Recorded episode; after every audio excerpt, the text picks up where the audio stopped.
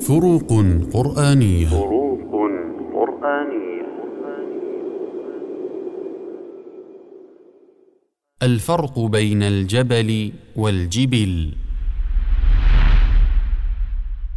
الجبل بفتح الجيم والباء وتخفيف اللام هو الجبل المعروف. أحد أنواع التضاريس الأرضية المرتفعة عن سطح الأرض. كما في قوله تعالى لو أنزلنا هذا القرآن على جبل لرأيته خاشعا متصدعا من خشية الله.